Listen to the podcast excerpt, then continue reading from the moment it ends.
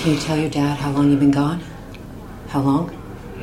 Why do you keep asking me that? It's important. Why do you keep asking? It sounds like she wants to. Angela, just tell your father the same thing you told me. How long do you think you were gone? I don't know. A few hours?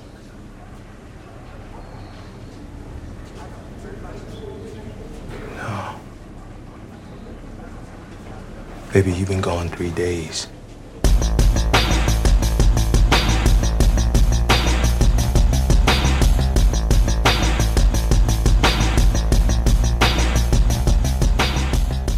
Velkommen i kassen med David Bjerre, så har vi fat i horrorfilmen The Exorcist Believer fra 2023.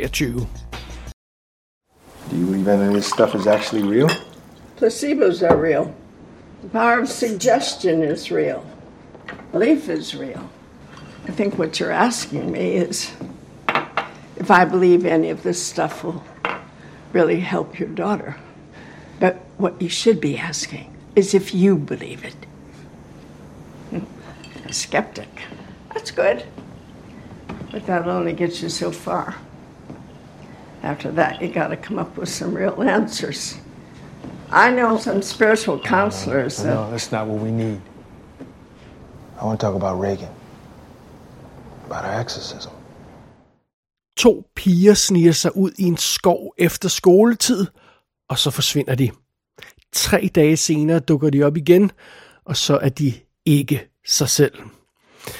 Så simpel er kernen i historien her i den her Exorcist-film. Den femte eller sjette film, lidt afhængig af, hvordan man tæller, og hvad, hvilken rækkefølge man sætter dem i. Men det, det er også lige meget. Under omstændigheder. For at få lidt mere kød på plottet, inden vi går videre, så, øh, ja, så lad os lige tage lidt flere detaljer her. De to piger, som jeg nævnte før, er Angela og Catherine. Angelas far er den overbeskyttende type, Victor hedder han, og han har egentlig god grund til at være, som han er, fordi han mistede sin kone, Angelas mor, i et jordskælv i Haiti. Hun var gravid med Angela på det tidspunkt, og det lykkedes kun lægerne at redde datteren, ikke moren. Så ja, så han er selvfølgelig meget opsat på at holde, holde hende sikker. Øh, med andre ord, så øh, har Angela aldrig mødt sin mor, og det er en af grundene til, at hun sniger sig væk i den der skov øh, sammen med sin veninde. Fordi øh, fidusen er, at de har, de har gang i sådan en lille seance. De vil gerne prøve at kontakte det hensides og kontakte Angelas mor. Og, og det er naturligvis det, der går galt, fordi man skal ikke rode med den slags. Det, det har vi trods alt lært efterhånden. Da pigerne bliver fundet igen tre dage efter, så er de først sådan helt sådan katatoniske nærmest, sådan helt øh, frosne, siger ikke rigtig noget og gør ikke rigtig noget. Og sådan noget. Men snart så begynder de der klassiske tegn på, øh, på en eller anden form for dæmonisk besættelse, som vi jo kender ret godt efterhånden. Og snart begynder de her piger at, at råbe og skrige, og er slet ikke sig selv mere, og deres stemmer lyder pludselig som om, de har røget tre pakker cigaretter, og de har brændemærker på huden, og ar, og alt sådan noget der. Jamen, det, det, det, er, det er helt forfærdeligt. Og naturligvis, når situationen bliver så slem, så kan lægerne ikke rigtig gøre noget. Øh, og øh, også igen, fordi der, der taler om en eller anden form for dæmonisk besættelse. Lægerne kan ikke gøre noget, men det er der muligvis en anden person, der kan. En kvinde, der selv har oplevet noget lignende for mange år siden. Chris McNeil, moren til den lille pige Reagan, der blev besat i den første film. Måske kan hun hjælpe. Så den desperate Victor kontakter hende for at se, om hun kan gøre noget ved, ved den, den forfærdelige situation, som Angela og pigen Catherine er havnet i. Alright, det er simpelthen plottet her i The Exorcist Believer. Og filmen den er instrueret af David Gordon Green, som jo er blevet nærmest en horror-instruktør nu, efter han lavede Halloween, Halloween Kills og Halloween Ends, den nye trilogi af Halloween-film der fra 2018, 21 og 22 henholdsvis. Vi har rent faktisk haft ham i kassen tidligere, det kunne jeg ikke engang huske, i forbindelse med Our Brand is Crisis fra 2015. Og, og før det, så lavede han jo sådan noget som den rent faktisk ret sjove The Sitter, til den absolut forfærdelige, afskyelige Your Highness. Og, øh, og så var der også Pineapple Express, og før han lavede de komedier, så lavede han jo sådan noget lidt mere seriøs film. Alright, det var instruktøren. I hovedrollen som Victor Fielding hedder han, der har vi uh, Leslie Odom Jr., som vi jo har haft i kassen før. Han spillede Sam Cooke i One Night in Miami, filmen, den Oscar-nominerede film. Så har vi Angela, der er hans datter, som bliver spillet af Lydia Jewett, som har været med i tv-serien Good Girls, men ellers ikke så forfærdeligt meget andet. Den anden pige, Catherine, blev spillet af Olivia O'Neill, og der stod ikke andet på hendes CV på IMDb, så det er åbenbart hendes debut. Undervejs i historien, så møder vi Anne, en øh, sød øh, sygeplejerske der på hospitalet, der, der hjælper lidt i den her situation, som også er nabo til familien i virkeligheden. Anne hedder karakteren, og hun bliver spillet af Anne Dowd, som jo har været med i tonsvis af ting. Vi har haft hende i kassen, blandt andet i Hereditary. Og i øjeblikket så laver hun The Handmaid's Tale hvis hun stadig er med i den. Jeg ved ikke, om den kører videre lige i øjeblikket, må jeg tilstå. Men ja, hende kender vi. Når man kender hende, ser hendes ansigt, så kender man hende øjeblikkeligt. Hun er med tonsvis af ting. Så havde vi altså møder den her øh, den anden pige, Catherines forældre. Tony bliver spillet af Norbert Leo Butts, som jeg tænkte, ham har jeg lige siddet og set i. Hvad fanden er det, jeg har set og set ham i? Well, det var så tv-serien Debris, som kun holdt en enkelt overgang, som var super fed science fiction serie i, i 2021, som ja, jeg tror, der kom 13 episoder, så lukkede de ned for den, men der var han chefen i, så det var meget sjovt. Så ham har jeg lige siddet og set på, sådan, eller inden for en overskuelig frem, fortid i hvert fald. Øhm, øh, øh, moren Miranda bliver spillet af Jennifer Nettles, som åbenbart er sanger i virkeligheden, og har været med i tv-serien The Righteous Gemstone, som kører i øjeblikket.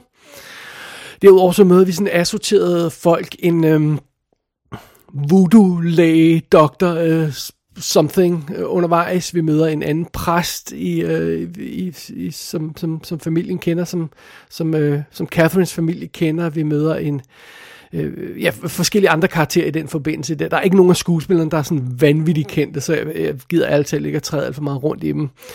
Øh, så møder vi selvfølgelig også, som jeg nævnte, Chris McNeil, og hun bliver genspillet af Ellen Burstyn, som øh, vi også har haft i kassen et par gange, det kunne jeg ikke lige huske, men det er jo hende, der spiller den ældre udgave af Murph i Interstellar.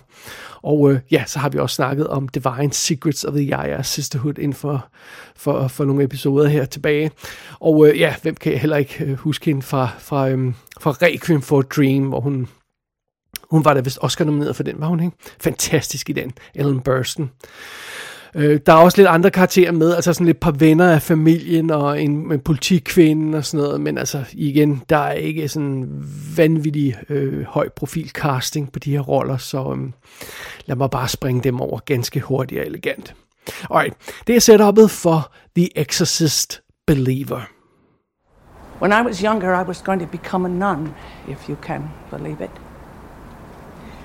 I thought I was ready to give my life to the Lord, but I wasn't. And I broke my personal commitment right before I took my vows. I got pregnant, and I chose not to keep it. All novitiates choose a new name before they enter the convent. They change their name to mark the transformation from their old life. I never got to use my name, but your daughter just did. Sister Mary Xavier, she said, and she knew what happened to my baby. I never told anyone what name I had chosen or about my pregnancy. Not then, not since, not a single living soul. Hvorfor er det lige, at vi får sådan en reboot, sequel, haløjse ting her til The Exorcist 50 år efter originalen? Well, altså, den største grund er jo nok, at Hollywood altid øhm, er på jagt efter de her eksisterende intellectual property, som man kalder dem, IP'er. Øh, øh, ting, der allerede har vist sig at være en succes, som man kan malke flere penge på, i stedet for at skulle etablere en helt ny franchise, et helt, et helt ny univers og sådan noget.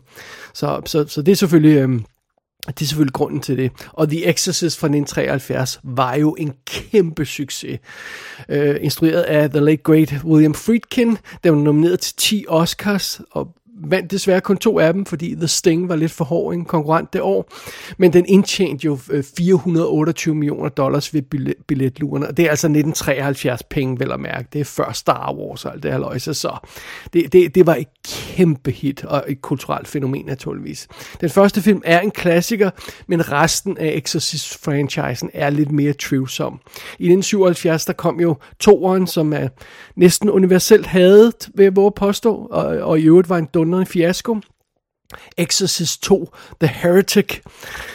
Ja, meget dramatisk. Så gik der en del år, og så kom der den fremragende træer, The Exorcist 3 i 1990. Men det var også en finansiel fiasko. Og så lå franchisen øh, lidt stille i nogle år, og så kom 4'eren, og der gik det jo helt fucking galt, fordi det var efter sine en 90 millioner dollar dyr dobbelt film fiasko. Først gik Paul Schrader i gang med at lave filmen, men så blev han fyret, og så kom Rennie Harlan af alle folk, man kunne hyre. Rennie Harlan kom ind og lavede en ny version af, af den fjerde Exorcist-film, der blev Exorcist The Beginning, som kom i 2004, men det var en fiasko. Øh, så, så ombestemte man sig at hæve øh, Paul Schrader ind igen og fik lavet hans version af filmen færdig, og så kom, kom Dominion prequel to The Exorcist ud i 2005. Det blev alligevel en dundrende fiasko, fiasko. Øh, altså, what a shit show. Altså, der, der er en kæmpe historie i, i produktionen af den der fjerde Exorcist-film. Det, det har vi ikke tid til at gå ind i her, men, men det er dybt fascinerende. Nå, under omstændigheder, det var, det var en katastrofe, finansielt og kunstnerisk og alt muligt andet. Så efter, øh, efter de, den fjerde film, så lå franchisen altså stille et, et stykke tid. Men så var det, at det så ud som om, Exorcist-franchisen var ved at komme tilbage på sporet, da der kom en tv-serieudgave. The Exorcist kom i 2016 og kørte to sæsoner, og den var virkelig fucking fremragende. Værd at, at, at opsøge, hvis man ikke har set Exorcist tv-serien. Første sæson er nærmest den oprindelige film forlænget til 10 episoder, men med alt muligt sådan konspiration og sådan øh, øh, et større univers bygget ud omkring den her familie og, og, og, og sådan noget. Det, der var virkelig, virkelig god. Og anden sæson, altså en, en ny isoleret historie, der, der, der også var, var, var fantastisk. Men øh, der var åbenbart ikke nogen, der så med på Exorcist tv-serien, så den blev altså lukket ned efter to sæsoner. Det er virkelig, virkelig synd. Men det er jo heller ikke noget, der sådan har skrevet sig ind i historiebøgerne, den der tv-serie. Så og det bringer os så til nuværende situation. Nu skal The Exorcist altså vækkes til live igen. Og, og, og den skal ikke bare vækkes til live, den her franchise, med én film. Nej, nej. Vi skal have fat i en 400 millioner dollar dyr, tre film franchise øh, genoplevning her. Så, øhm, men, øhm, men altså, øh, en ting er i hvert fald sikkert, hvad der end sker med Exorcist nu, efter den der rimelig kaotiske fortid, som den her franchise har haft, så, så, øh, så hvis den her franchise skal bringes til live igen, så skal det altså ske med noget af et brag af en første film. Altså den nye Exorcist-film, vi får her, den skal altså sparke røv fra første øjeblik. Gør The Exorcist Believer så det? Ej, det kan man ikke helt påstå. Af en eller anden grund, så finder denne her film det nødvendigt at starte historien 13 år tidligere. Vi skal helt tilbage til øh, Haiti, før Angela blev født, øh, når den her historie den tager sin begyndelse. Og det er ikke en særlig spændende start, øh, den der indledning, vi skal se på, hvor øh, Angelas far og mor går rundt på Haiti, mens hun er gravid og sådan noget, og Øhm, ja, det fungerer ikke særlig godt, og spørgsmålet er, om det egentlig ikke havde været bedre, og, og, og hvis vi var sådan lidt mere i den her stakkels piges sko, og, og startede historien i nutiden, hvor hun ikke ved, hvem hendes mor er, men har set alle billederne, har hørt historien og sådan noget, og føler en form for savn. Hvis vi følte lidt det samme savn som hende, fordi vi ikke havde mødt moren, men fornemmede, øh, at, at, at pigen savnede hende, sådan, jamen, så havde det måske været en meget bedre start, i, i stedet for den der start, som var meget, meget skåret ud i pap, hvor vi ser den søde mor, vi ser, hun kommer ud fra en ulykke, vi ser, hun dør, alt det her løjse. Øhm, under omstændigheder, den der start på historien, som, som, som Exorcist Believer har i, i sin nuværende form her, den er klodset, og den virker unødvendig. Og der er, ikke, der er ikke noget særligt mindeværdigt over den der indledningssekvens, og det er i hvert fald ikke spændende på noget plan, eller uhyggeligt. Nå, men efter den her hete-sekvens, så springer vi altså 13 år frem i tiden og havner i nutiden, og så møder vi øh, faren Victor og, og datteren Angela. Og øh, øh, så er det, at de, at de her to piger forsvinder, og så udvikler filmen sig til en tv-krimi om to forsvundne børn. Sådan den type krimi, som den der Lifetime øh, Channel vil sende øh, sådan, sådan øh, billigt produceret tv-film. Det, det er sådan øh, Exorcist udvikler sig til her.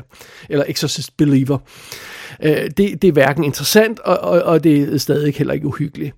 Øh, øh, altså, de scener, som vi bliver præsenteret for i forbindelse med den her jagt på de her piger, der er væk og sådan noget, altså det vil være scener, man har set hundredvis af gange før.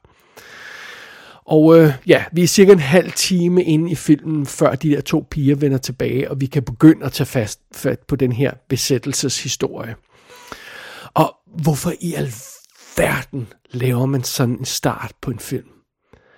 Altså som sagt tidligere, en ny eksorcistfilm skal jo sparke røv fra første øjeblik. Den skal virkelig tage os om nosserne og sige, okay, nu skal vi ind i det her univers igen.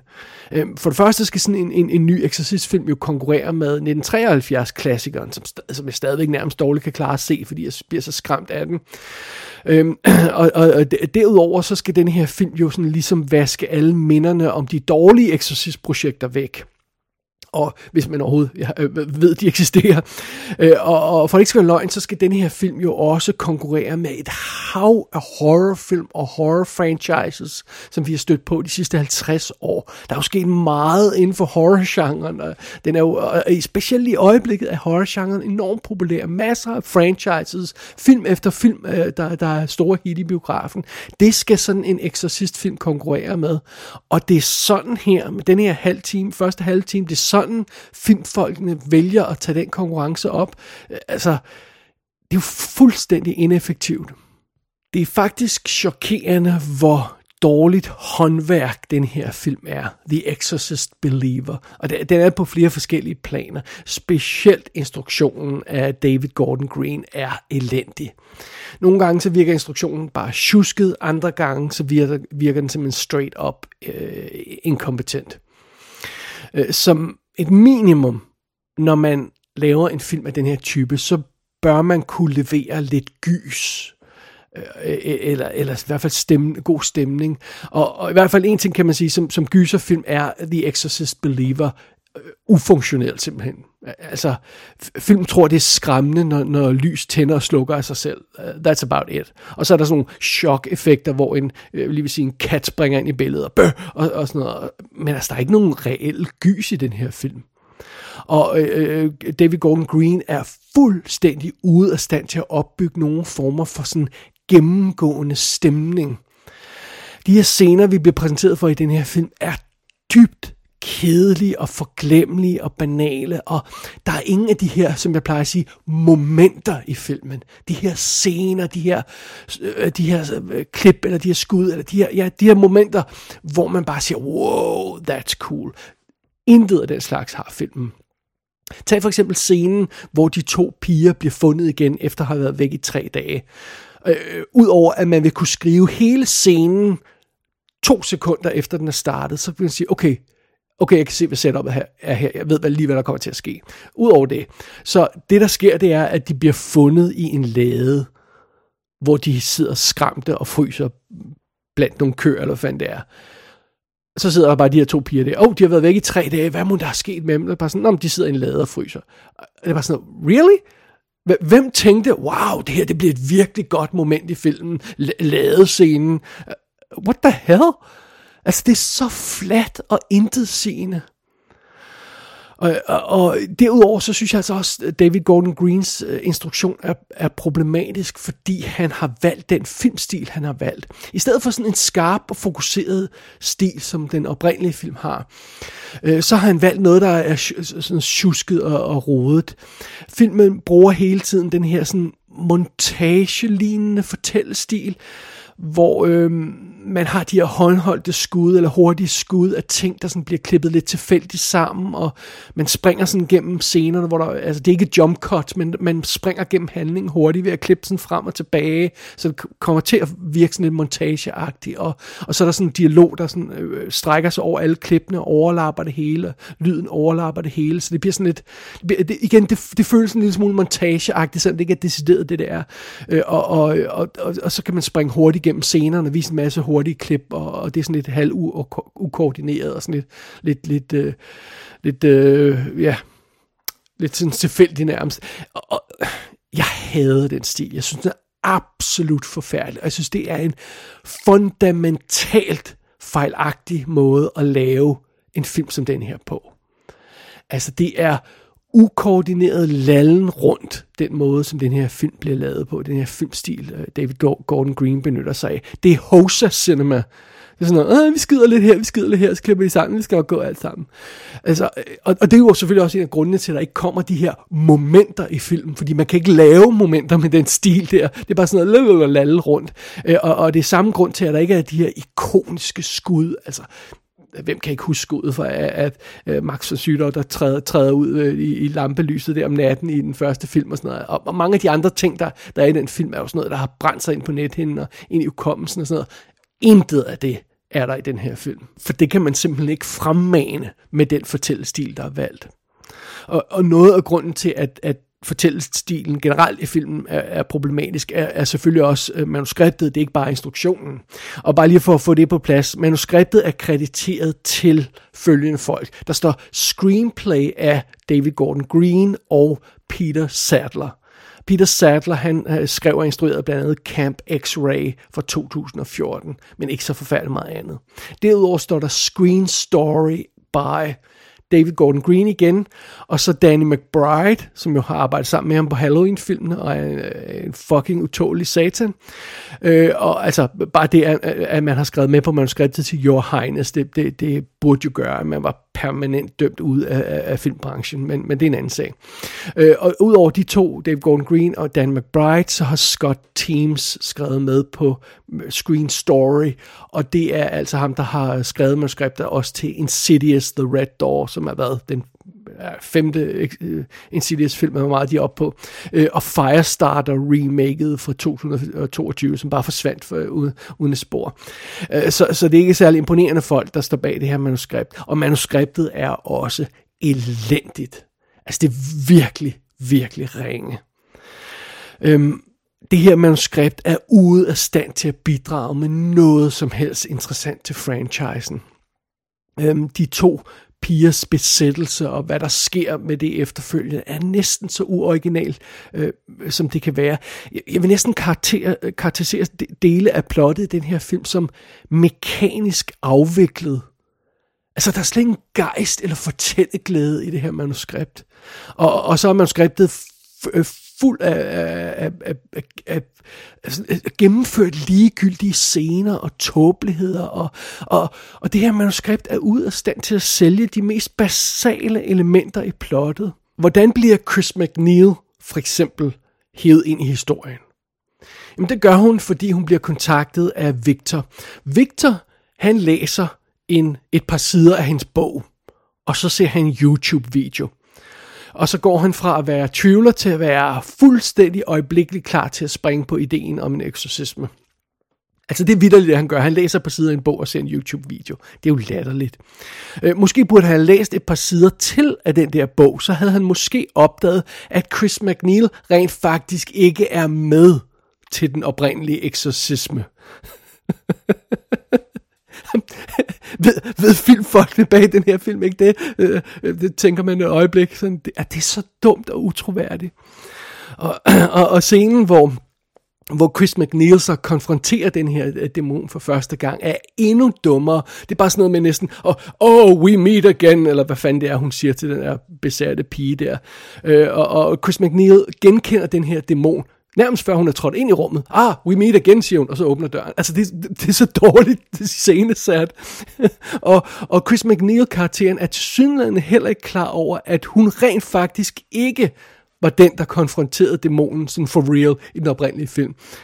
Igen, man må virkelig sætte spørgsmålstegn om folkene bag den her film har set originalen. Det, det, det, det, det er virkelig, virkelig, virkelig hjælpeløst lavet. En anden ting, der virker virkelig dårligt i manuskriptet, det er jo, at det er to piger, der er besat.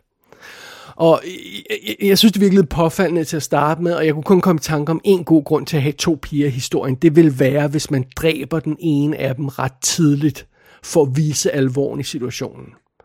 Men det gør filmen ikke.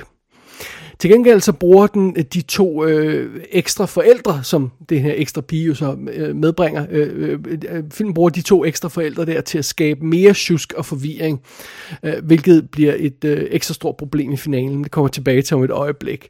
Så jeg synes virkelig, virkelig, det er en underlig beslutning, at der er lavet det her manuskript.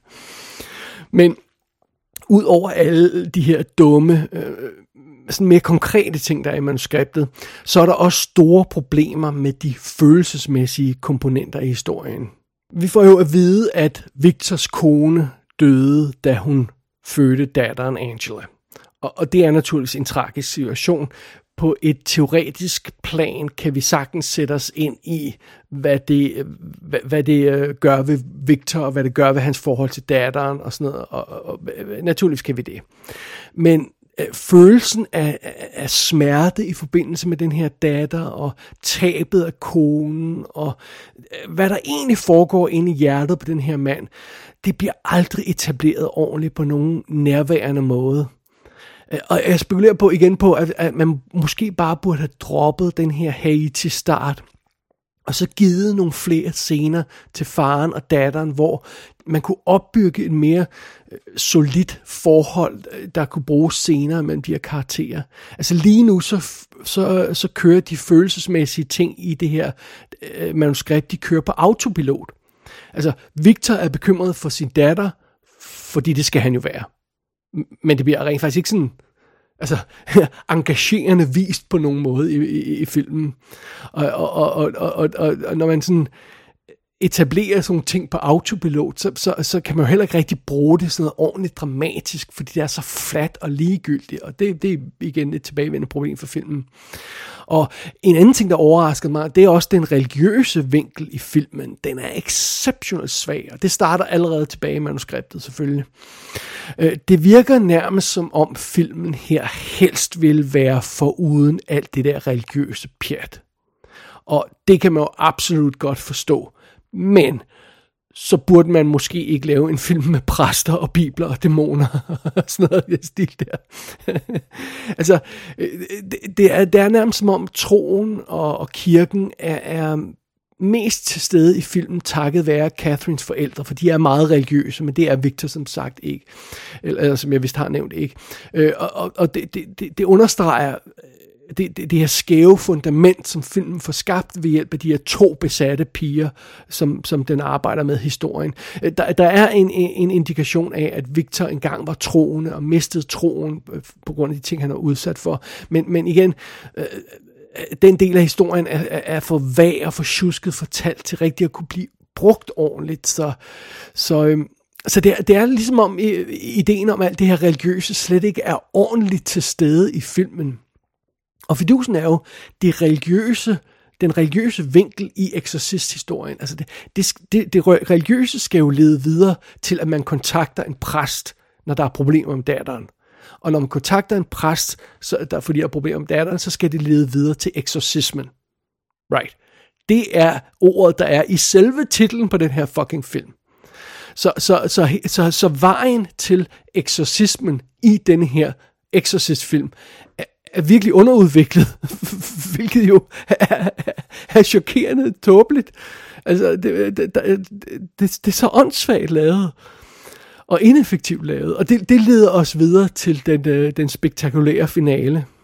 Da vi når frem til den store eksorcisme-finale, så har filmen fået kørt alle sine elementer i stilling, så den kan levere en ret øh, påfaldende opvisning i øh, inkompetence.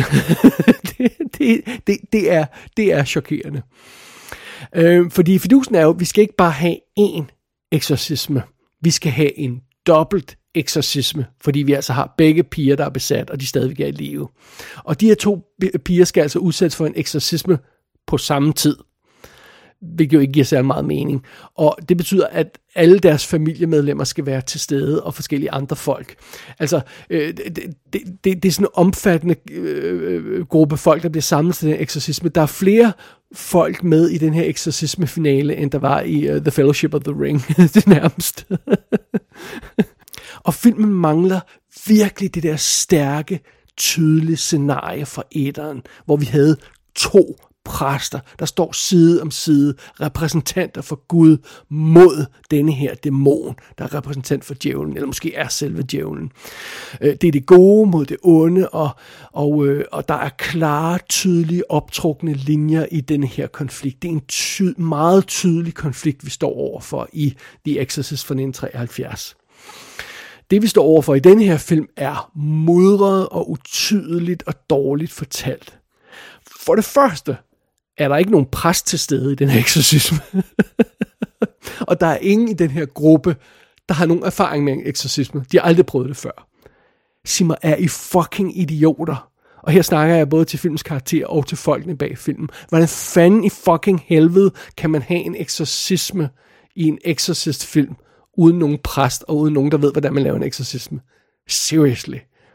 Den store finale er et stort shit show den her sygeplejerske, som engang læste en bog af Chris McNeil, hun skal pludselig lege præst, og der er den her voodoo lady, som er en øh, ven af familien, og som, som leger med noget magisk røg og sådan noget, og så er der alle de her forældre, som ikke aner, hvad de laver, og, og, og igen, selv i den oprindelige film, der bliver moren Chris McNeil bliver smidt ud af eksorcismen, fordi hun ikke har nogen som helst erfaring med eksorcismen, og der er ikke nogen som helst grund til, at hun skal være der. Hun kan ikke hjælpe på noget plan. Og nej, det, hun bliver ikke smidt ud af eksorcismen i 1973, fordi hun er en kvinde, som den her film påstår. de er så idioter, de her folk. Nej, øh, hun bliver smidt ud af eksorcismen i den oprindelige film, fordi hun, hun er i fare, hvis hun træder ind i det der rum. Det er derfor. Øh, og, og, og, og her i den her finale, i den her film, der har vi ikke bare én for uerfaren for, forældre i rummet, vi har tre. Plus alle mulige øh, venner af familien. Prøv en eksorcisme er en specifik ting. Det er ikke bare sådan noget lalleglad noget, man, man arrangerer øh, øh, øh, via sms eller sådan noget. Altså, en eksorcisme er en specifik ting med et specifikt mål og specifikke regler. Der er et specifikt ritual forbundet med eksorcismen. I den her film, der stiller de her folk sig op i en cirkel omkring de her øh, besatte piger og råber sådan tilfældige halvreligiøse ting af dem. det, altså, og det er et stort virvar af nogen, der råber noget på engelsk, og så er der et eller andet latinsk, og så er der nogen, der siger nogle kristne ting, og står den her voodoo lady med noget røg og sådan noget. Altså, ingen synes at have den fjerneste fucking idé om, hvad de laver i den her film. Det er et stort mas. Og de her folk, der deltager i den her eksorcisme, de gør vidderligt alt forkert. De lytter til dæmonen, de har ikke forberedt sig på situationen, de gør det forkerte, de siger det forkerte. Det er simpelthen den mest håbløse finale, jeg længe har set på en film. Jeg kommer næsten til at savne de der 40 minutters CGI-kreerede actionsekvenser finaler fra moderne Hollywood-film, når jeg ser det her shitshow af en eksorcisme. For helvede da. Altså, det, det er næsten ikke til at fatte, at det her er finalen i en eksorcismefilm. Altså, man, man skulle vidderligt ikke tro, at nogen af folkene bag The Exorcist Believer nogensinde havde set en anden film om eksorcisme, når man ser, hvordan de slutter film, den her film. Hvordan de, de etablerer en stor finale den her film. De virker fuldstændig clueless. Når The Exorcist Believer slutter, så gør den det naturligvis med endnu en montage med overlappende dialog, og så må man altså bare ryste opgivende på hovedet. Og ovenkøbet så i øh, øh, øh, den her dialog, som er til sidst, den her overlappende dialog, det er en decideret tale fra en karakter der, der pludselig fuldstændig umotiveret stiller sig op og, og, og, og, og, og fortæller, hvad vi har lært i den her film. Altså, jeg er ikke sikker på, at det er tilfældet, men, men, men når jeg ser sådan en scene, så tænker jeg øjeblikkeligt på, den stinker langt væk af reshoot. Fordi man har klippet den her film frem og opdaget, at oh, øh, for helvede, øh, den her film siger rent faktisk ikke noget om noget. Vi må hellere øh, tilføje et eller andet i post, der, der forklarer, hvad det hele handlede om. Det, det er sådan, øh, øh, den, den sidste scene, i, øh, den sidste sekvens i filmen her, den fremstår. Det er pinligt. Det er virkelig pinligt. The Exorcist Believer er en gennemført skuffelse fra start til slut. De hidtil dårligste bidrag i Exorcist-franchisen er mesterværker ved siden af den her film. Jeg har aldrig nogensinde set Repossessed fra 1990, Exorcist-parodien med Leslie Nielsen, men jeg vil næsten påstå, at den også er bedre end den her film. The Exorcist Believer er uspændende og usammenhængende. Instruktionen er elendig, manuskriptet er håbløst. Den er virkelig dårligt castet, den her film. Den ser halvbillig ud, og der er intet, der virker i den her film. Egentlig så havde vi jo ikke rigtig brug for en ny Exorcist-film, men okay, fair nok, nu får vi en. Men vi har i hvert fald slet ikke brug for en film, der er, der er, der er det her magtværk, som Exorcist Believer er. Det, det, det har vi altså godt nok ikke. Altså, som sagt, hvis man skal lave det, så skal man altså lave det ordentligt. Og for at det ikke skal være løgn, så venter der altså endnu to film i den her rebooted franchise fra det talentløse team bag The Exorcist Believer. Jeg, tror altså ikke, den her nye trilogi kan reddes. I hvert fald ikke med David Gordon Green ved roret. Måske burde man overveje at få Rennie Harlan til at instruere den næste film. det kan næsten kun blive bedre.